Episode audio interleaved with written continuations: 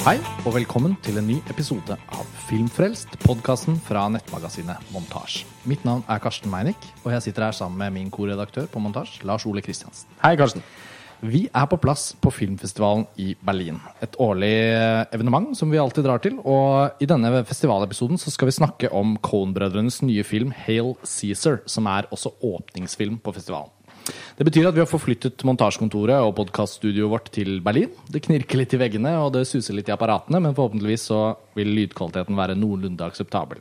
Um, Hail Cæsar er en film som foregår i Hollywoods egen verden. Det er en film som handler om filminnspillinger og, og driften av et Hollywood-studio. Og den har eh, for så vidt ganske mange av Coen-brødrenes liksom, quirks og rariteter.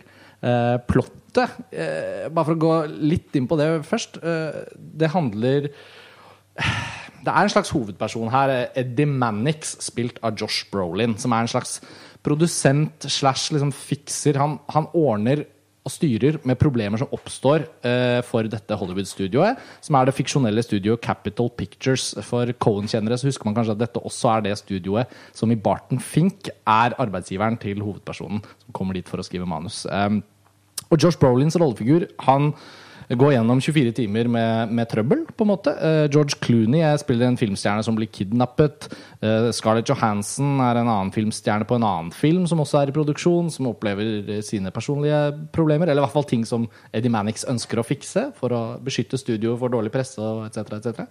Og det er en, en, hel del av sånne forviklinger og konflikter som, som egentlig utgjør handlingen i denne filmen. Og Hale Cæsar uh, hadde pressevisning på festivalen tidligere i dag. Den har gallapremiere akkurat nå. Uh, og vi tenkte å egentlig bare hengi hele denne episoden til det. Og Coen-brødrene trenger jo ikke noen nærmere introduksjon, så la oss bare gå rett inn i denne filmen. Hail Cæsar. Lars Ole, hva syns du?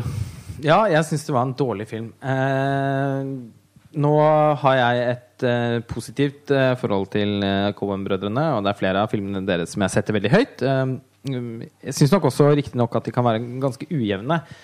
og jeg klarte, i motsetning til veldig mange andre, så klarte jeg ikke å finne så mye glede i den forrige filmen deres, 'Inside Louin Davies'. Nei, jeg var jo enig med deg på det punktet. Og True Grit, eh, som jeg syns er en veldig underholdende I og for seg en veldig underholdende film, men den, altså dette suset med ti Oscar-nominasjoner og altså, panegyriske kritikker til den filmen kunne jeg nok hel, var jeg heller ikke helt i stand til å forstå. Nei. Opplever også at det er en ganske sånn glemt eh, film. Men spoler vi tilbake til A Serious Man og, og, Country for Old Men, så snakker vi jo lunsj. Mm. Eh, så eh, men, Og det, jeg, var nok ikke, jeg hadde nok ikke liksom, noen forhåpninger om at dette her skulle være en sånn voldsom sånn return return to form for Coen-brødrene. Eh, men ut ifra all liksom eh, forhåndsomtale, holdt jeg på å si, og, og, og, hva man har sett av trailere og sånn, så, så, så den jo ut til å kunne bli a good time at the movies. Og ja. merkelig nok så syns jeg faktisk ikke den klarte noe så grunnleggende som å, som å underholde sitt publikum. Og det er veldig eh, Det er veldig eh, Det er liksom jeg, jeg, jeg Det er leit for en film som ikke har noe annet enn eh, florlett underholdning å by på i utgangspunktet. Ja jeg er jo selvfølgelig enig med deg, ikke selvfølgelig, men, men, det er jo en sannhet vi bare kan bekrefte, at vi, vi ofte er enige om filmer. Men, men, her var vi spesielt enige også fordi at filmen har en slags sånn herre Nesten sånn ubestridelig svakhet. Som jeg syns er veldig overraskende hvis det er eh, ja, Hvis flesteparten av norske kritikere for eksempel, ikke ser det, så blir jeg overrasket. Vi har snakket med et par andre, og de var heller ikke særlig glad i filmen. Eh, og det går på dette at filmen ikke For det første føles den ikke som den har noen ordentlig helhet. Jo, den foregår på dette Hollywood-studioet, og vi har en slags hovedperson. Men når filmen er over, så føles det som sånn oppstykket, rar og ikke underholdende opplevelse. Det er, det en grunnleggende feil den gjør også, fordi den har en slags sånn stjernegalleri, og sjangeren er en slags sånn der, litt sånn Hollywood-komedie på en måte hvor det foregår i studio. Det fins andre eksempler på den typen filmer som er langt mer vellykket enn denne. Og de har jo laget Barton Fink, som handler om en mannsfatter som drar til Hollywood og som opplever en sånn quirky verden innenfor Hollywood-studios vegger. Den handler om noe annet, men ok. Hail Cæsar er mislykket fordi den har en sånn manglende den, den, har ikke noe ordentlig innhold. Altså, jeg føler verken at den liksom handler om noe, men hadde den vært veldig underholdende, så hadde ikke det gjort så mye. Men, men, fordi den liksom ikke handler om noe, og heller liksom ikke er underholdende som en helhetlig opplevelse, så blir sånne Du sa det vel også på Twitter rett etter visningen. Liksom, a few laughs. Ja. Uh, Og det er det. og det er det. Jeg føler at Cohen-brødrene har tatt masse ingredienser som ser veldig velsmakte ut, og kastet de oppi en gryte, rørt rundt, og glemt å smake, og trodd at det har blitt en, en, en film som man kan servere til et uh, Cohen-sultent publikum. Og jeg opplever det jo om ikke som en fornærmelse, herregud. Det, altså, den filmen er en bagatell. Vi kommer helt sikkert tilbake med en, en mye Fortsett, bedre film igjen. Nettopp. Men eh, jeg, eh, jeg syns det er forbløffende eh, at de mislykkes på så mange områder. Eh, dette er jo også en slags hyllest til eh, Både liksom en hyllest til gamle Hollywood. Det er Eh, vel på 50-tallet den foregår. eh, ja. Og, og, og, men skal forsøksvis også liksom være en slags fremstilling av eh, liksom galskapen og, eh, og Ja, uten å liksom bli et sånt eh, portrett av sånn total Kafka-aktig fremmedgjøring som Barton Fink, så har han liksom noe likevel sådd noen sånne frø som ikke vokser opp til å bli noe. Men uh, her man har en slags rammefortelling som er dette eh, som er denne fortellingen Jeg vil ikke kalle det en fortelling, for den er så tynn. Men eh, det, er, det er noe greier med at Josh Brolin er eh, han, eh, ja, han er gift.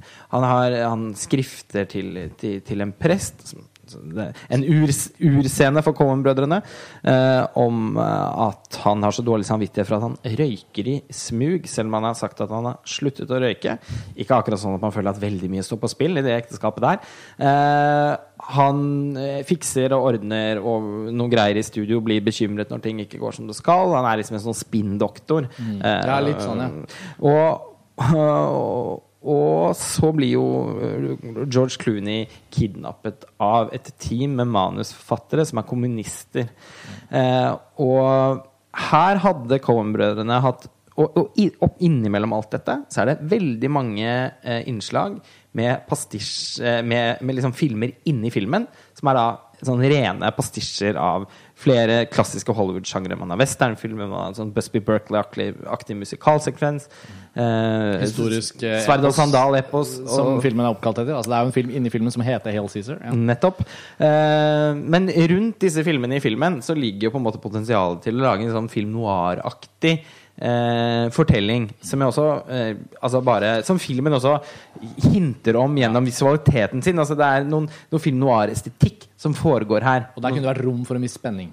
Nettopp, fordi vi vet jo godt med Coven-brødrene at de er i stand vel, Altså, de er jo gode på å lage suspens.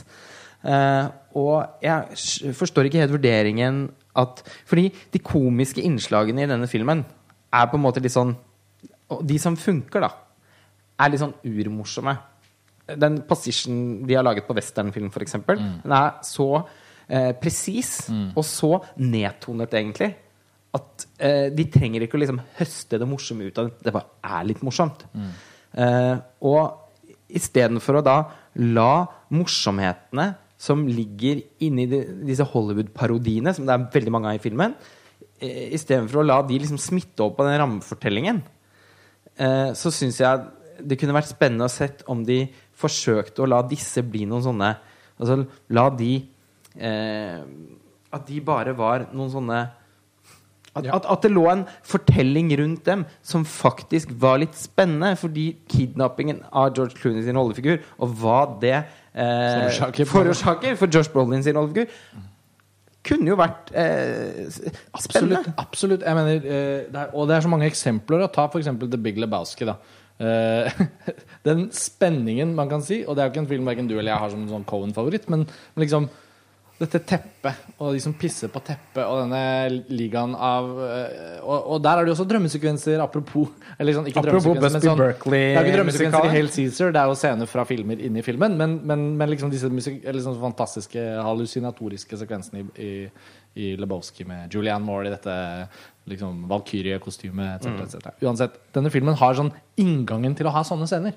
De fins nesten, men så er det som om det liksom ikke gjøres Det bare tvinnes ikke ordentlig sammen. Og, og, og det mangelen på spenning i det som skal være filmens helhet, er den grunnleggende feilen. Og det gjør den jo til en dårlig film. Og det handler ikke nødvendigvis om at vi syns det skulle vært en neglebitende thriller. Eh, det handler nei, nei, om nei. eh, altså sånn Det er ikke, eller Confidential, liksom. Det er ikke den typen spenning jeg tenker på. Nei, ikke jeg heller. Jeg mener mer sånn Jeg mener det som eh, i, i, i noe som av og til ligner et slags film noir-univers, og det er en kidnapping, og, det er, eh, og det er en del konflikter som foregår, så hadde filmen også de, humo- de altfor mange hum, forskjellige, ulikartede eh, humoristiske innslagene i filmen tjent på at akkurat den rammehistorien var litt mer nedtonet, og at det, at det var liksom en narrativ fremdrift der. Eh, filmen er veldig rotete fortalt, og det blir veldig vanskelig å engasjere seg for noe som helst. Eh, spenningen punkteres av hyppige innslag av eh, litt sånn lunken humor.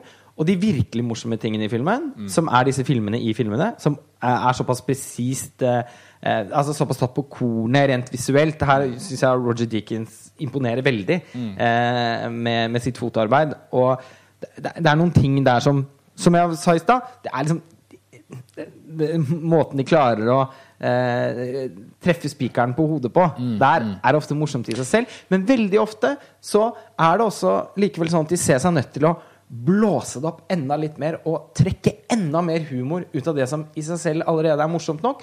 Og da tipper det ofte over i å ikke bli så morsomt lenger. Fordi følelsen, ja, følelsen av å kunne oppdage morsomheten i filmen forsvinner når de støtt og stadig er nødt til å liksom rope dem ut mot oss.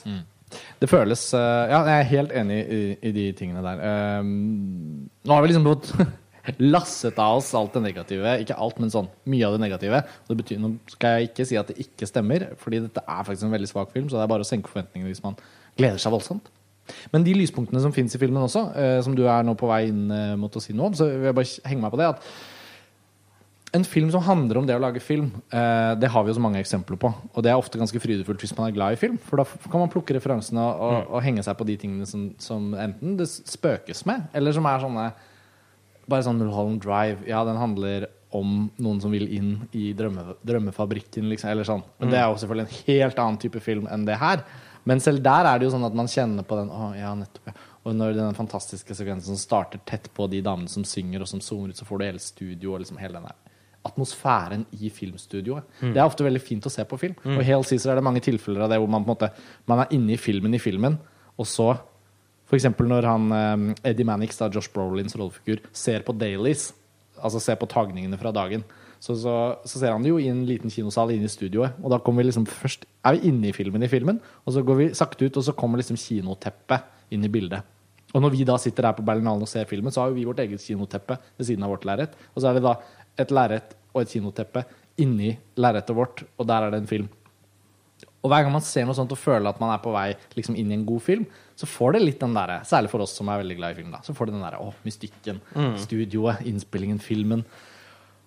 Og Hale Caesar går liksom ikke inn i, eller diskuterer, eller benytter, eller gjør noe ut av dette. Altså Koblingen mellom Hale Caesar som film og filmene inni filmen er så svak. Og da er det så synd, fordi jeg er helt enig med deg. Filmene inni i filmen er det bra med denne filmen.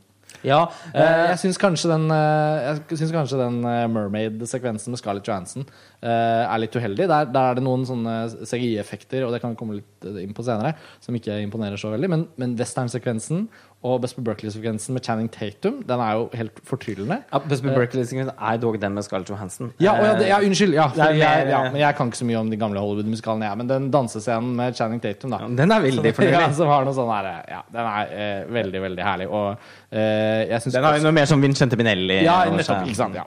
Men uansett, jeg syns også at eh, de sekvensene fra denne sverd og sandal-filmen som, eh, som, som handler om Jesus, og som Og, og, og, George Clooney spiller da hovedpersonen som sånn Han er ganske morsom i den biten der. Det er kidnappingsbiten som ødelegger for hans rollefigur. Det er også ganske morsomt premiss for han spiller denne romerske soldaten som får en slags oppvåkning i møte med Jesus. Eh, og, og når man ser disse fantastiske statistene hvor det er liksom De har gått inn for å få til at kostyme, skjegg og look ser litt sånn dårlig eller sånn 1950-talls sverd og sandalaktig ut. Ja. Og det er jo de første herlige latterøyeblikkene i filmen. Det er den første sekvensen fra filmen. Ja, den er kjempemorsom. Så Coen-brødrene har på en måte i minimal fasong lykkes med noe av ideen. Og. Derfor blir det som er dårlig med filmen, så ekstra synlig. Ja, altså de, men de, de er litt for altså de, de og i samarbeid med Roger Deakins eh, er jo på en måte litt for gode til å lage film. Til å mislykkes med noe sånt som de pastisjene, da. Eh, men eh, de er jo til vanlig også veldig gode historiefortellere. Og det må ha gått ganske fort unna eh, foran tastaturet. for Jeg kan liksom ikke helt forstå hvorfor de tenker at dette holder. Eh, det, er, det er veldig vanskelig å liksom klare å engasjere seg for noen av rollefigurene, noen av liksom linjene i historiefortellingen. Og ting som kunne vært interessant, f.eks. dette med de kommunistiske eh, kommunistsympatisørene mm. eh, blant manusforfatterne. Som de som kjenner Hollywood-filmhistorien, vet jo at dette var noe som fant sted. Det pirker i mekartismen, det pirker om liksom hele det forbudsgreiene og name names og alt det. Og der ligger det jo en sånn byll. Det er vel det mørkeste kapittelet egentlig i Hollywood-historien. Ja, det må det man slags. nesten si. Men det er som om Cohen-brødrene bare sånn Kan vi ikke bare kødde litt med det her, da? Og det kan man selvfølgelig, men da må man være morsom. Ja, og det er ikke morsomt. det, eh, det, er- rett og slett ikke det. Og eh, når man Jeg syns på en måte helheten Det høres veldig stygt å si. Nesten høres ut som en ren provokasjon. Jeg må si det likevel. Eh, jeg syns resultatet minner litt om en sånn kjempevelprodusert russerevy-versjon av Robert Altmans The Player.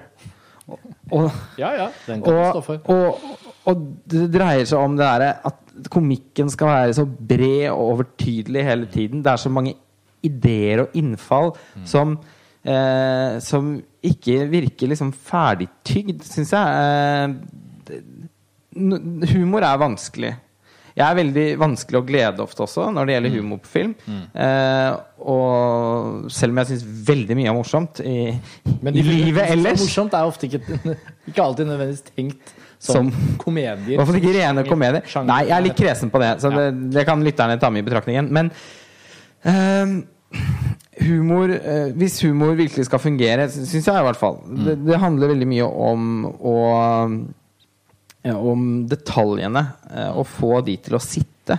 Og stole på at publikum selv er i stand til å kunne oppfatte dem. Og filmen har veldig mange eksempler på at ved å skru opp volumet for høyt, og ved å ikke finpusse på de detaljene som faktisk er det som kan skape humor eh, Ved å slurve med de detaljene, så, så forsvinner humoren. Altså, jeg følte de eh, Et par tilfeller av sånne latterbrøl òg, som man kan oppleve under sånne festivalvisninger, følte liksom tvunget fram. Ha-ha-ha! Ja, det er jo litt morsomt at igjen. han var så rar.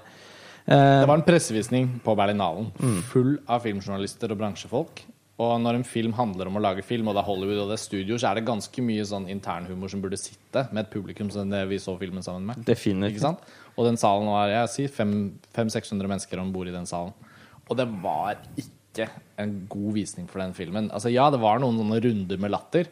Og filmen har jo også sine lyspunkter, som du sier, da. A few laughs. Men ta for eksempel den- men, men, men da den var ferdig, hva slags applaus var det den fikk?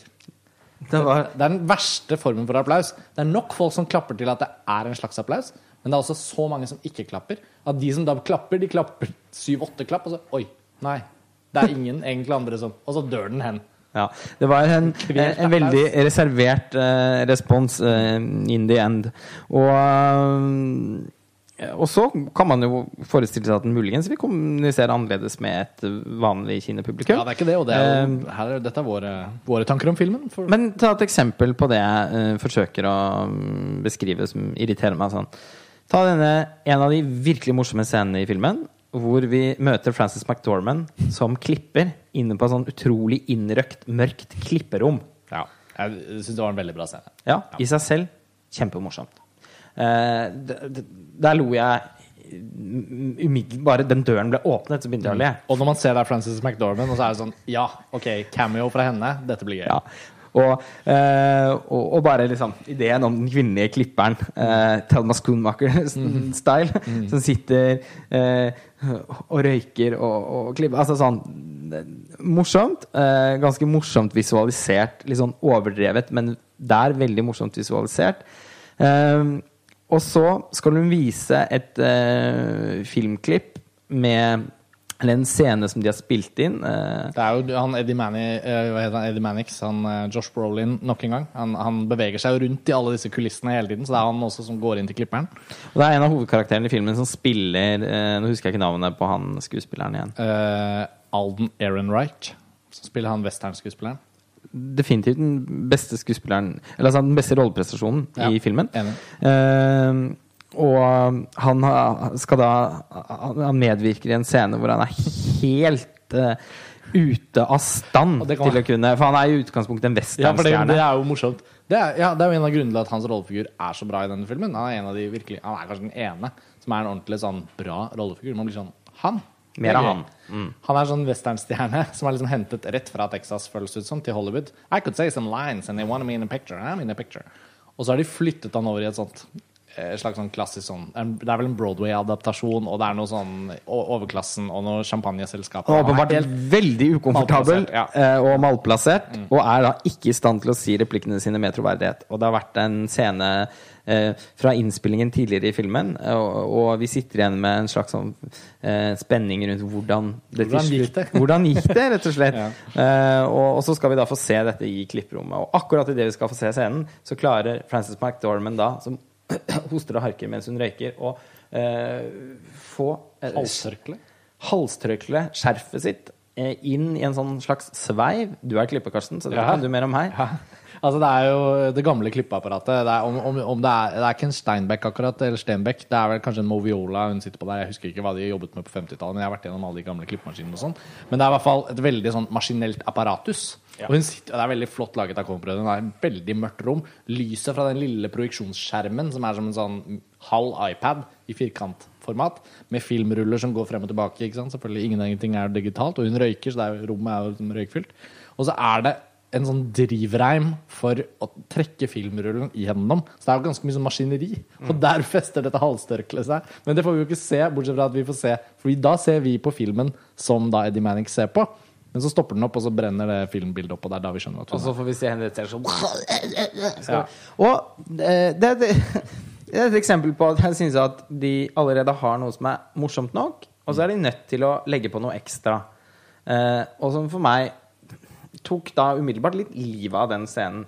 Altså det- Det med at jeg, jeg, De gjorde det jo bare for å tøye strikken. Her hadde de en scene hvor vi ønsket å se hvordan denne westernskuespilleren løste det til slutt. Under opptakene av denne dumme scenen i overklasseleiligheten. Men så vil de tøye strikken, og så er det dette med at hun setter fast halstørkle. Jeg reagerte jo ikke så negativt på akkurat det grepet der som deg, men eksempelet ditt på filmens hovedproblem er jo veldig godt. Det er akkurat sånne øyeblikk hvor alt har lyktes veldig bra med en komisk idé, og så drar de det for langt. Og fordummer egentlig sin egen litt mer sofistikerte form for humor. Nettopp fordi eh, sånn, utformingen av klipperommet og, og, og hun eh, Altså bildet av henne som sitter der sånn, det, det, er så, det er så tatt på kornet Ja. at det i seg selv er kjempemorsomt. Og så er det jo gøy å se den utrolig dårlig spilte scenen med han òg. Og ja, så er det kanskje også litt gøy at de vil liksom tøye det øyeblikket enda litt lenger. Men når det da blir en sånn derre eh, blir, det en sånn voldsom fysisk humor Men det, så, så, så er det, føles det som malplassert i scenen. Det er på en måte to sjangre av humor som jeg syns kolliderer med hverandre. Eh, og, eh, og det fins det dessverre, da, som vi har vært inne på flere ganger Og ganske mange eksempler på i filmen. En annen ting vi kan snakke om, er, eh, Du kom så vidt inn på Roger Deakins eh, Ja, fotoarbeidet. Der syns jeg vi kan eh, gå litt nærmere inn på det. Det er, det er interessant. Ja, altså eh, Vi spurte hverandre etter visningen om Er den skutt på film, eller er den skutt digitalt. Det var litt vanskelig å, å avgjøre, kanskje nettopp fordi det er såpass mange digitale effekter i filmen. Eh, men jeg, tenk, jeg følte meg overbevist om, selv om jeg av og til syns det unektelig eh, så ut som den var skutt på film, så, hadde, så satt jeg likevel og tenkte Men kanskje altså, Det er mulig de har vekslet mellom forskjellige formater. Fordi Roger Dickens har jo i det siste gitt veldig uttrykk for at han for alvor er ferdig med film og, og, og omfavner det digitale. Altså som en motsats til Tarantino og Christopher Nolan og disse som, som, som, som forsøker å Um, Holde analog film i live. Nettopp. Ja. uh, men så viste Og han har jo skutt eh, de neste filmene tror, fem neste filmene til Roger Dickens er skutt digitalt, men den er jo da faktisk skutt på 35 mm. Og jeg syns kanskje det er også litt underlig at uh, denne uh, Altså, med unntak av igjen filmene i filmen Selve filmen som Ja. vi ser på. Ja. eh, eh, så den mye takket være da mange ganske sånn sjenerende innslag av sånn halvdårlig CGI. mislykkes, syns jeg, med å fange den teksturen i eh, teksturen til den perioden som de forsøker å skildre. Ja, altså det er skjemmende for filmen at den er så dårlig sammensatt når det er så mye effekter i den. Eh, jeg syns ikke filmen i det hele tatt ser ut til å være skutt på film. Og det handler jo ikke bare om at på en måte eh, Digitalt foto nå kan fint se ut som det er skutt på film. Altså, Ta, ta Zodiac av David Fincher, da. Som er en hyperdigital produksjon. Og en av de tidlige. En av de tidlige Harry Savides. eh, og og, og, og du, den er så god at du tenker ikke engang på hvilket format den er skutt på. Og du tenker i hvert fall ikke på at det er enten film eller digitalt. Eller who cares? En periodefilm som treffer alt den prøver på. Den er jo nesten perfekt. Så problemet handler jo ikke egentlig om at det skal liksom se digitalt ut eller ikke, om du skyter på digital eller på film. Så kan man si at ok, puristene de sier at jo, men analog film også, sånn, det er noe med hudtoner og, og det er noe sånn, med liksom, Og svartnivået. og naturen og svartnivåer og sånn. Absolutt. Og det det jo Vi så 70 mm-produksjonen av The Hateful Eight. Du skjønner at den filmen på sitt beste vinner på at den har gjort det. Og så kan man ta den debatten, liksom, det er noe annet. Men her i Hail Caesar ser vi en film som Det er så mange sammensatte nivåer i det visuelle. Det er filmen vi ser på, og så er det filmene inni filmen. Og de filmene inni filmen er jo også separate fra hverandre. Sånn at Og de blir ofte sett på av eh, karakterer i i filmen. Og det periodekorrekte da vil jo selvfølgelig være å inkludere den analoge støyen, sånne festmerker og alt det som da var en naturlig del av virkeligheten den gang. Samtidig så er det da, for en film laget og liksom ferdigstilt i 2016, så er det selvfølgelig sånn at alt dette løses med forskjellige typer av CGI-effekter. Men nå er vi på et nivå hvor bra filmer har ikke noe synlig CGI hvis ikke det skal være synlig. Her er det jo ikke sånn CGI i form av monstre og liksom fiksjonelle skapninger som skal gjengis, hvor vi skjønner at ok, men den Tyrannosaurus rexen der som blir spist av det havmonsteret opp fra det akvariet i Jurassic World, vi skjønner at det er data, og det er greit liksom, hvis man liker det, så syns man det funker bra. Mens Hale Caesar er jo en sånn film hvor CGI-en brukes for å på en måte bare økonomisere periodegjengivelsen. Det skal ikke være noe vi tenker på engang. Og så er det i denne filmen, og det er vi jo vi enige om, men altså, det er altså så svakt gjennomført. Hver gang det kommer et sånt totalbilde av Hollywood-studioet hvor det skal være uten moderne gjenstander på, i åsen i bakgrunnen og sånn og sånn, og så skal det være noen sånne lange rekker av sånne store lagerbygg som er sånne store studio, liksom, så ser man liksom at det er digitalt gjenskapt. Og, og når det er en pastisj på en periode hvor de brukte liksom store, gigantiske tekstiler med backdrops-malerier på, så skjønner jeg ikke hvorfor bruker de ikke det for å lage heller en sånn overtydelig antirealistisk effekt. Det er en sånn, ja, Hvorfor kan de ikke overføre det det er en annen av de sånn grunnleggende tingene som denne filmen feiler på. At liksom, faen, liksom dårlig utført. Coen-brødrene er mesterfilmskapere. Selvfølgelig kan de lage noe genialt hvis de vil. De har all mulig kunstnerisk frihet. Jeg føler at de er late. Ja, for det er at ikke de bryr seg. Ja, for det er, det er så mye som ligger til rette her. Og sånn som for eksempel at eh, At de Når de også da på en måte skal lage en sånn hyllest til det klassiske Hollywood, og tydeligvis også liksom på død og liv skal skyte den på 35 mm Ja, for det er jo tydeligvis Alt er skutt på 35. Ja, for det var jo sånn som jeg har Vi leste litt om det i stad, og da fikk man jo inntrykk av at Deakins i utgangspunktet hadde lyst til å skyte digitalt, men da kom en bønn og sa nei, nei, nei, nei, denne filmen skal være på 35 mm. Og eh, da er det jo underlig eh, og skuffende at eh, de ikke liksom klarer å, å, å, å få liksom helheten til å, til å fange teksturen i, i gamle, gamle Hollywood-filmer. Jeg skulle jo sett at de hadde en, en tilnærming her som minnet mer om det Todd Haynes gjør. Eh, I sine Det er en 50-tallsmelodramaer. Mm, mm. Far From Heaven, Litt for mer. Far From Heaven. Nettopp. Eh, uten sammenligning for øvrig. Men eh, det er noe med da eh, kombinasjonen av eh, den, den litt sånn slurvete gjennomføringen av, eh, av, av filmens visuelle univers i, i Ja, for det er så mange elementer. Det krever Ja, det- en, større, en større, større følsomhet for helheten. Ja, det, det blir, den etterlater et veldig rotete inntrykk. Eh, og kontrasten mellom de eh, Mellom den ofte sånn forbløffende godt gjennomførte pastisjen i filmene i filmen, og kontrast mellom det og selve filmen.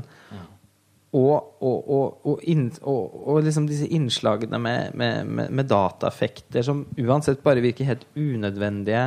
Eh, det, det, det gir et, et det, det gir liksom et inntrykk av, som du sier, at de ikke helt har brydd seg om alle kriker og kroker i filmen. Hvilket man burde forvente av, av Coen-brødrene. Ja, jeg er helt enig. Dette er um, På en måte så gikk jeg ikke filmen i møte med så altfor store forventninger. Så jeg vet ikke om jeg vil si at den er så voldsomt skuffende sånn som en film. Det var jo, og det tror jeg du også er enig i, at det har ikke vært sånn at i 2016 så Filmåret står og faller på om Coen-brødrenes nye film leverer. Det har på en eller annen måte vært litt sånn at ok, vi ser hva slags type film det er.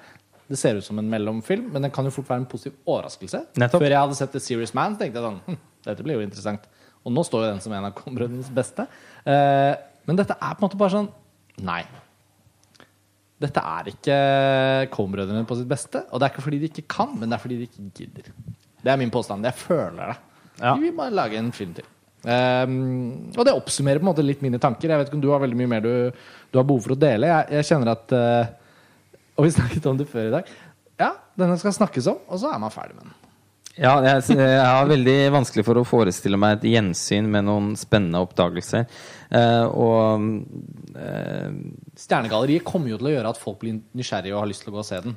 Naturligvis. En, en Scarlett- til opplysning. Scarlett Johansen er med i kanskje fem minutter. Channing Tatum kanskje åtte. Ja, veldig fornøyelige minutter, da. For Ja, han er jo så flink til å danse. Ja. Så, så han byr jo. Eh, disse, det, er, det er noen veldig herlige skuespillere blant disse manusforfatterne i filmen også, som ikke får muligheten til å, til å bli noe. Eh, Josh Brolin, feil castet, syns jeg, og lite overbevisende som Mm. nevrotiker. Nei, jeg er helt enig. Jeg synes uh, Det at han som en slags hoved... Nei, ikke slags Han er jo hovedperson, men han er ikke en sånn klassisk hovedperson. Filmen mangler jo litt en hovedperson. Ja, det er ikke alle, altså, sånn, alle ikke- filmer trenger jo ikke det, men Nei, men det er heller ikke en flettverksfilm. Nei. Så det er ikke sånn at Den dramatiske konstruksjonen er ikke heller sånn at det virkelig er forskjellige historier vi følger. Det er fortsatt Josh Brolins eh, rollefigur og hans problemløserorientering som driver på en måte dramaet. Men dramaet er også Ja, nei, dette har vi jo snakket om. Det er, Det er jo bare da helt uten driv. Eh, så eh, det, Ja. Rotete, dårlig fortalt, av og til eh, fiffig og morsom eh, på sitt absolutt beste, men altfor ofte også eh, Jeg klarer, jeg Ja, klarer nesten ikke å finne noe Nei. mer å si. Det, det er dessverre det viktigste. Ja. Det man blir det, sørgelige er jo at jeg opplever når vi sitter og snakker om det nå, Mm. at det også er en film som er vanskelig å, å, å ha en, en, en veldig liksom, en, en spennende samtale om, fordi filmen gir oss så lite å, å tygge på. Og som vi var inne på helt i begynnelsen Og det er jo det merkeligste.